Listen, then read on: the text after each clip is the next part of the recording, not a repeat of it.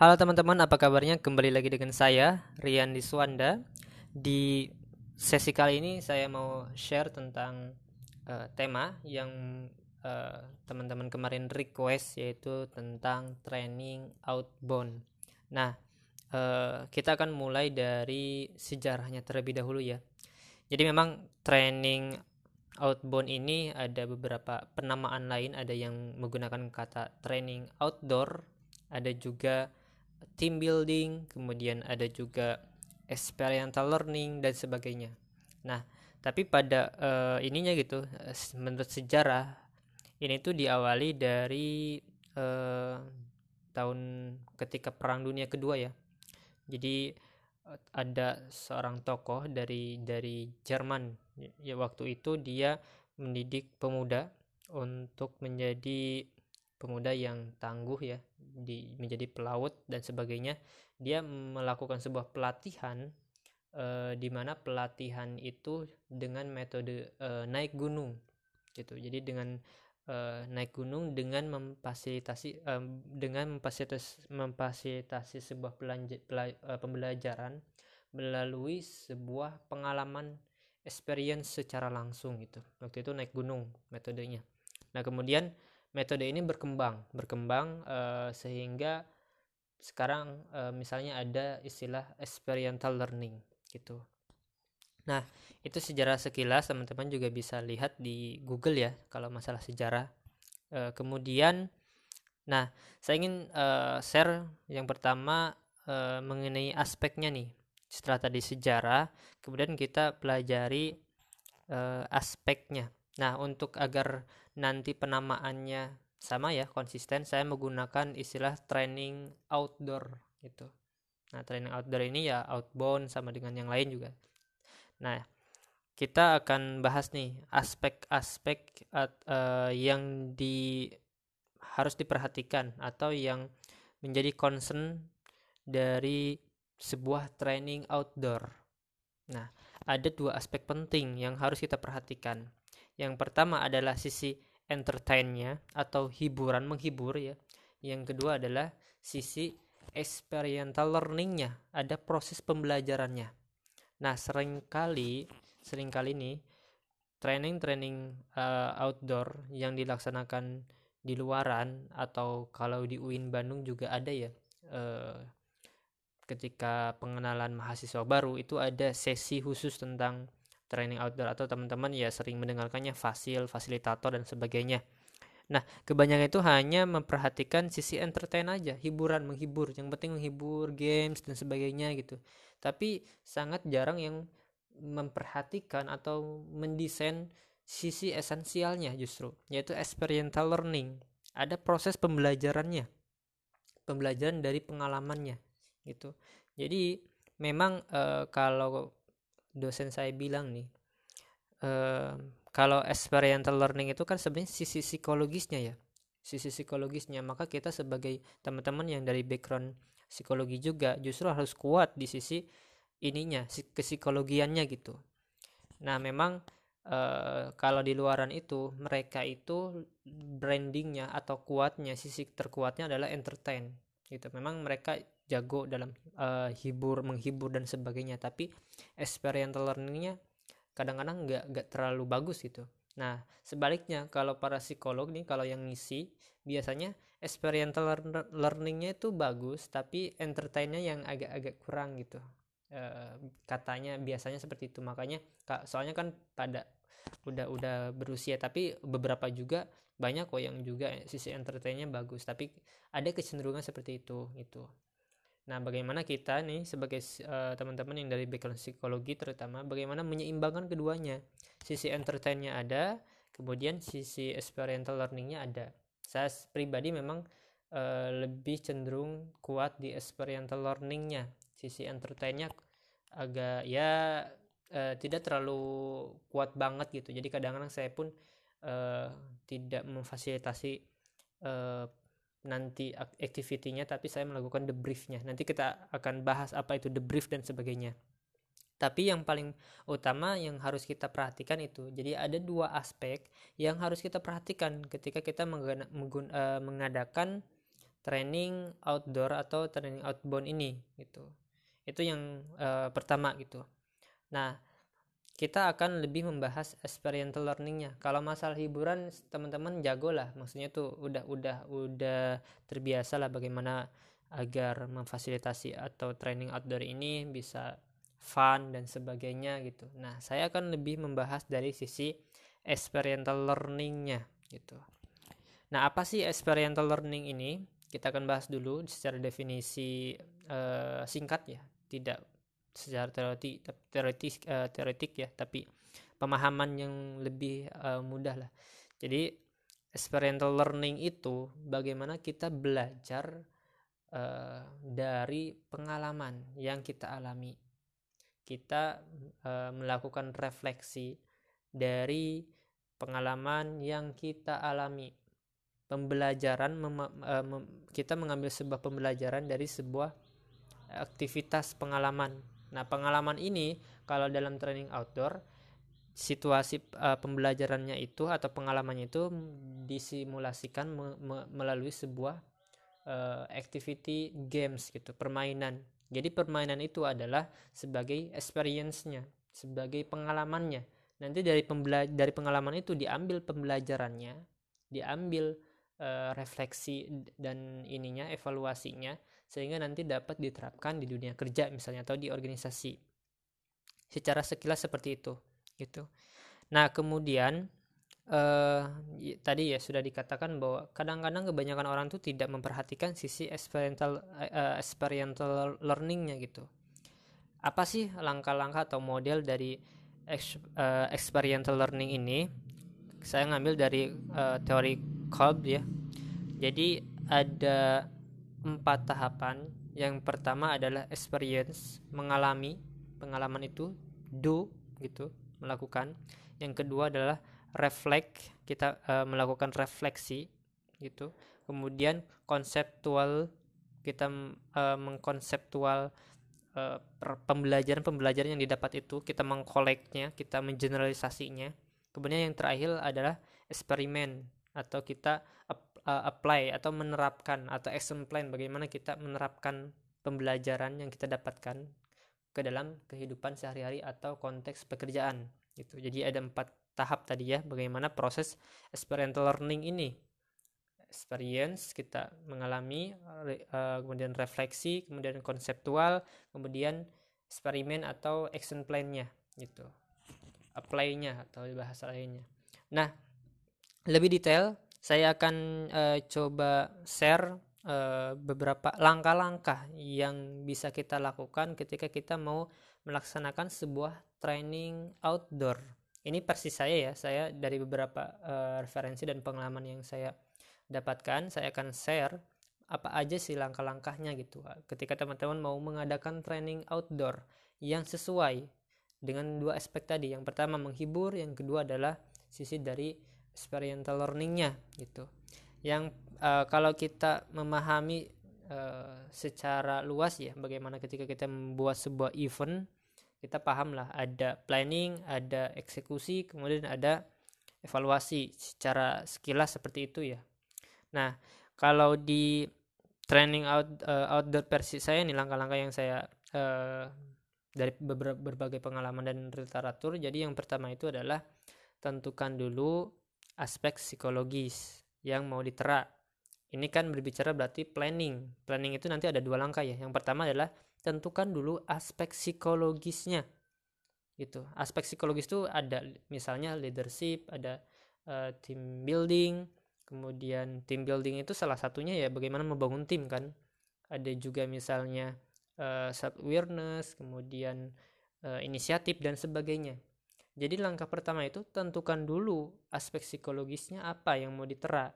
Jangan sampai teman-teman justru kebalik. Menentukan dulu gamesnya apa, kemudian disambung-sambungin oh games ini mah mengukur leadership berarti oh leadership yang di yang ditera yang di yang di uh, goalnya gitu. Enggak gitu gitu. Kalau dalam sebuah event ya kita harus melakukan TNA training need analysis kalau dalam training ya. Intinya mah lakukan need analisis kebutuhan dari klien kita seperti apa. Misalnya kemarin saya diminta untuk uh, memfasilitasi kegiatan pelatihan uh, training outdoor di UGM um, mereka meminta temanya adalah good followers. Good followers bagaimana menjadi pengikut follow followers yang baik. Nah kita gali kebutuhan dari teman-teman di sana seperti apa dari dari para panitia gitu itu uh, kita juga bisa menanyakan ada gak aspek khusus yang ingin mereka uh, apa ya gali di sini terapkan di sini? Misalnya kalau konteks lain misalnya pengen menginternalisasi budaya atau nilai-nilai perusahaan maka kita tanyakan apa budaya budaya budayanya dan sebagainya gitu. Sehingga kita tahu oh ternyata di goal di training outdoor ini satu adalah aspek leadership dua aspek misalnya integrity dan sebagainya gitu jangan sampai teman-teman nentuin dulu gamesnya ini saya punya games ini. Oh ini nanti ditanya ini nggak aspek apa yang diukur? Oh ini leadership. Hmm, jadi uh, activity dulu yang dibikin gitu. Kemudian baru eh, ini nggak gitu. Jadi tanya dulu kebutuhannya apa. Bisa kita tanya tema besarnya apa kemudian nanti kita breakdown sesuai dengan teori gitu. Kita cari referensinya kalau teori ini kira-kira aspek apa yang harus ditera, uh, di ditera atau di, di internalisasi nantinya gitu kemudian yang kedua langkah yang kedua baru kita mendesain media pembelajarannya media pembelajaran itu banyak ya salah satunya itu adalah kalau dalam training outdoor berarti activity games, permainan. Jadi permainan itu adalah media pembelajaran orang gitu.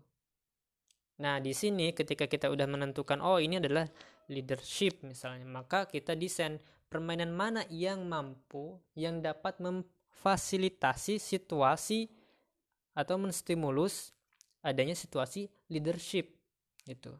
Dan ini penting penting juga karena kadang jangan sampai nih kita ngukurnya tujuannya adalah leadership tapi ternyata activity atau games yang kita pilih ternyata gak memunculkan itu malah memunculkan team building.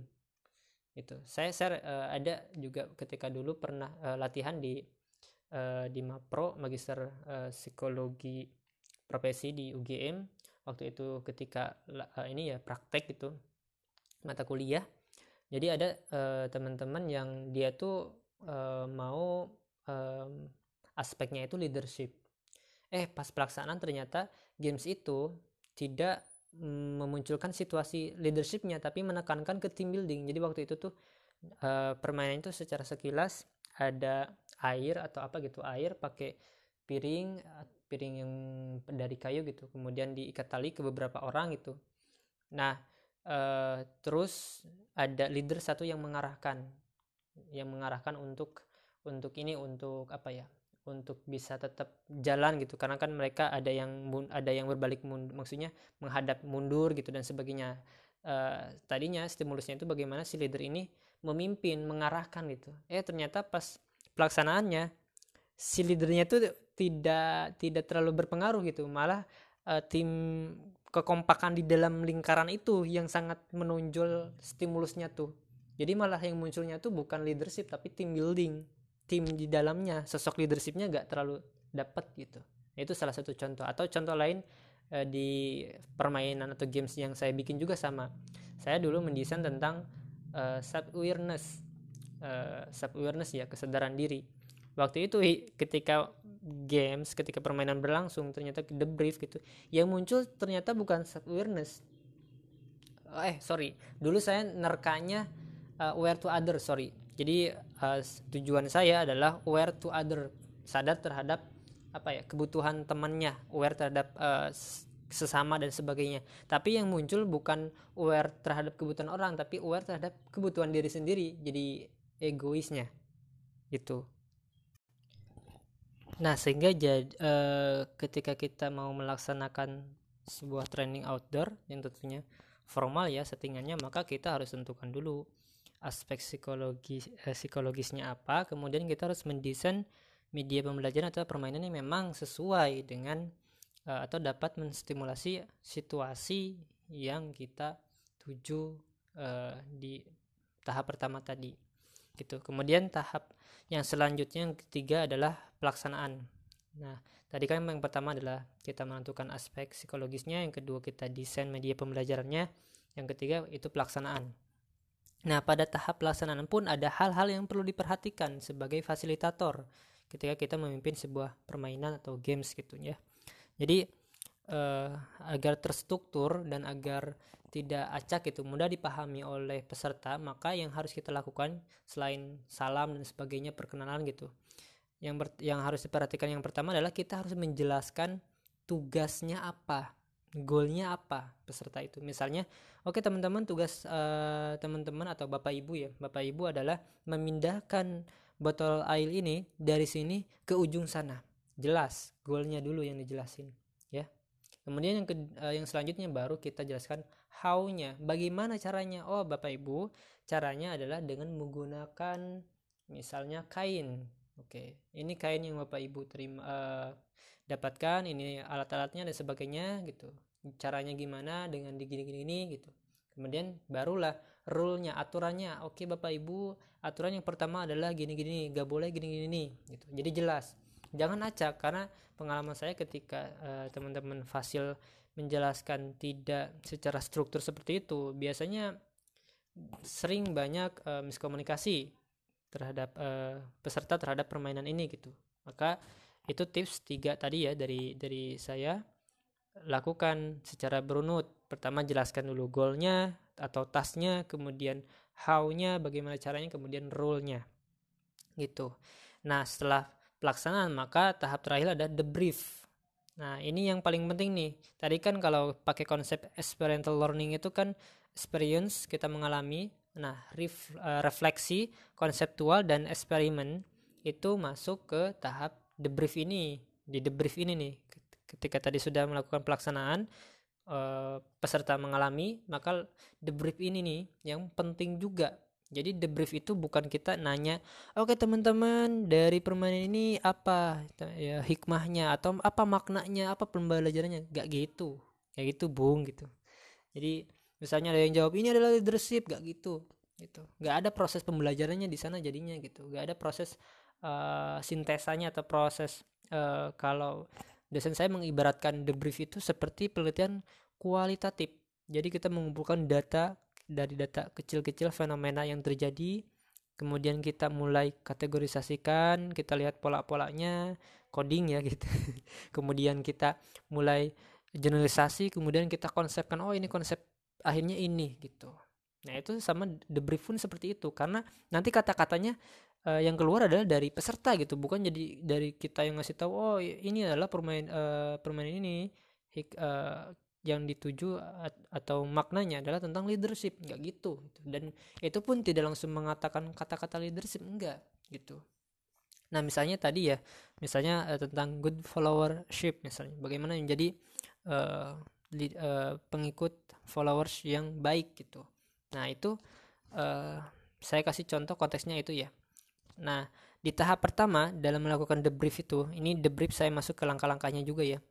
Ada sekitar enam langkah. Uh, maaf lima lima langkah. Yang pertama adalah description. Des, uh, description itu kita menanyakan apa yang terjadi gitu. Misalnya, oke okay, Bapak Ibu, apa yang Bapak Ibu tadi alami ketika uh, mengikuti permainan magic stick ini? Misalnya permainannya adalah magic stick. Magic stick ya. Magic stick itu jadi peserta berkelompok dimin, dikasih sebuah kayu atau paralon gitu uh, untuk jadi teman-teman itu menggunakan jari telunjuk harus mengangkatnya dari bawah ke atas. Dan itu ketika mengangkat itu tidak boleh lepas seluruh anggota timnya antara telunjuk dengan si tongkat tadi. Gitu. Nah mis uh, itu per, uh, stimulusnya ya permainannya. Kemudian saya tanya oke okay, bapak ibu apa yang bapak ibu alami tadi ketika permainan ini? Misalnya ada yang bilang oh pak saya tadi uh, ini udah udah bilang uh, naik naik tapi yang satu malah turun gitu pak gini ini cerita mereka menceritakan apa yang mereka alami apa yang mereka pikirkan juga gitu.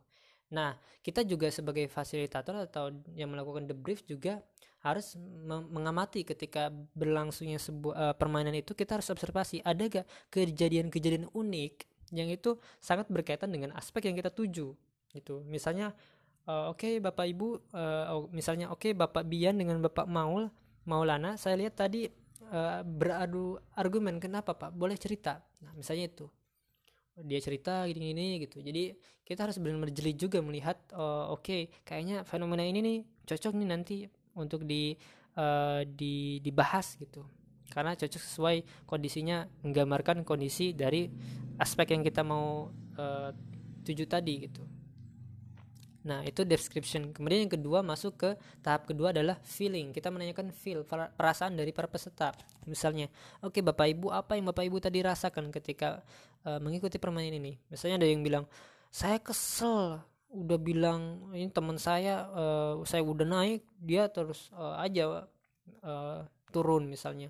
Atau ada yang bilang, "Saya kesel selalu disalahin, Pak, soalnya misalnya dan sebagainya gitu." Jadi kita karena itu refleks uh, perasaan itu merefleksikan gitu. Karena situasi dari permainan itu ada menggambarkan situasi uh, aspek yang kita terang misalnya tentang leadership atau dalam sebuah organisasi gitu. Dan mereka mengungkapkan perasaan yang mereka alami gitu. Merefleksi dari perasaan itu nanti uh, akan akan timbul refleksi gitu. Kemudian setelah kita menanyakan perasaan mereka maka tahap ketiga adalah evaluasi tahap evaluasi itu kita menggali apa hal-hal yang um, yang membuat berhasil, apa hal yang membuat tidak berhasil, apa yang work, apa yang enggak work, work di sini tuh ya berhasil gitu. Nah, misalnya saya nanya gini, oke okay, Bapak Ibu, uh, misalnya saya nanya ke tim yang berhasil ya, yang menang gitu. Oke, okay, Bap Bapak Ibu, kelompok yang tadi berhasil menang nih, apa nih uh, trik atau tips dari Bapak Ibu kok bisa menang gitu? Oh dia cerita oh kalau di saya itu pak ada yang komando satu orang pak. Selain itu juga kita yang lainnya uh, anggota yang lainnya tuh nurut pak sama leader. Kalau yang nah kemudian kita juga bisa nanya nih ke teman-teman yang misalnya mohon maaf misalnya paling terakhir yang nggak uh, gak, ber, gak, gak berhasil lah gitu. Kita tanya oke okay, bapak ibu kira-kira kenapa sih kok bapak ibu uh, gagal gitu gak berhasil gitu atau yang paling terakhir kemudian dia cerita oh misalnya karena tadi itu kita pak saling ini pak semuanya tuh pengen ngasih instruksi pak ini ngomong ini ngomong gitu. Nah itu kita kita mulai mulai analisis. Nah, nah baru ke tahap 4 nih. Tadi kan evaluasi kita melihat tuh apa yang work apa yang enggak gitu. Kemudian kita analisis. Oke jadi jadi kalau ada situasi seperti ini harus gimana sih gitu apa yang harus dihindari apa uh, yang harus dilakukan gitu. Nah di analisis ini kita menganalisis tuh. Nah di tahap ini kita mulai uh, nanti mengkaitkan juga gitu. Bisa kita mengkaitkan dengan misalnya organisasi. Oke bapak ibu kalau mengangkat tongkat dari bawah ini adalah sebuah goal gitu nanti tuh. Jadi apa apa aja yang harus dilakukan?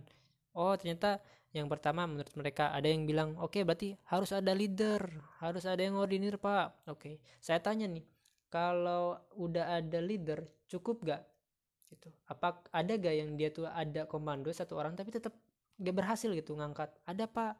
Kenapa? Karena yang lainnya gak ngikut pak. Jadi yang kedua syaratnya uh, harus pesertanya itu ngikut harus good followers. Misalnya dia bilang gitu atau nggak jebut good follower sih tapi yang dia bilang nah peserta yang lainnya harus ngikut harus mau ngikut leaders uh, leadersnya pak. Misalnya oke bapak ibu kalau dua ini udah terpenuhi kira-kira bakal berhasil. Ada lain ada yang lain kah? Gitu misalnya. Oh ada pak. Hal yang paling penting nih pak. Kita juga harus saling um, menurunkan ego kita pak antara peserta. Karena ya memang betul uh, harus ngikutin. Nah, gimana cara bisa ngikutin? Kita harus menyesuaikan ego kita masing-masing, Pak. Oke, berarti ada tiga nih, ada lagi atau uh, udah tiga ini? Iya, Pak. Gitu. Nah, itu mulai kan menganalisis gitu. Oh, ternyata ya dalam situasi ini ini yang harus dilakukan. Maka nanti mulai dikonsepkan tuh tahap ke empat ya. Uh, tahap ke sorry tahap kelima tadi uh, saya ulang ya pertama description feeling evaluation, analisis, kemudian baru uh, konseptual, mengkonsepkan. Oke, okay, berarti Bapak Ibu kalau uh, dalam sebuah organisasi ini tadi diibaratkan kalau permainan tadi naikin tongkat dari atas ke bawah sebagai goal harus gini-gini, maka kalau dalam organisasi pengen goalnya tercapai, maka harus gimana? Gitu. Oh, harus gini gini gini gini. Itu kita konsepkan. Oh, berarti ini tentang bagaimana menjadi uh, followers yang baik itu harus gini ternyata harus kita saling menyesuaikan uh, antar peserta antara anggota kita harus menurunkan ego kita masing-masing harus saling ngingetin harus mau diingetin dan sebagainya.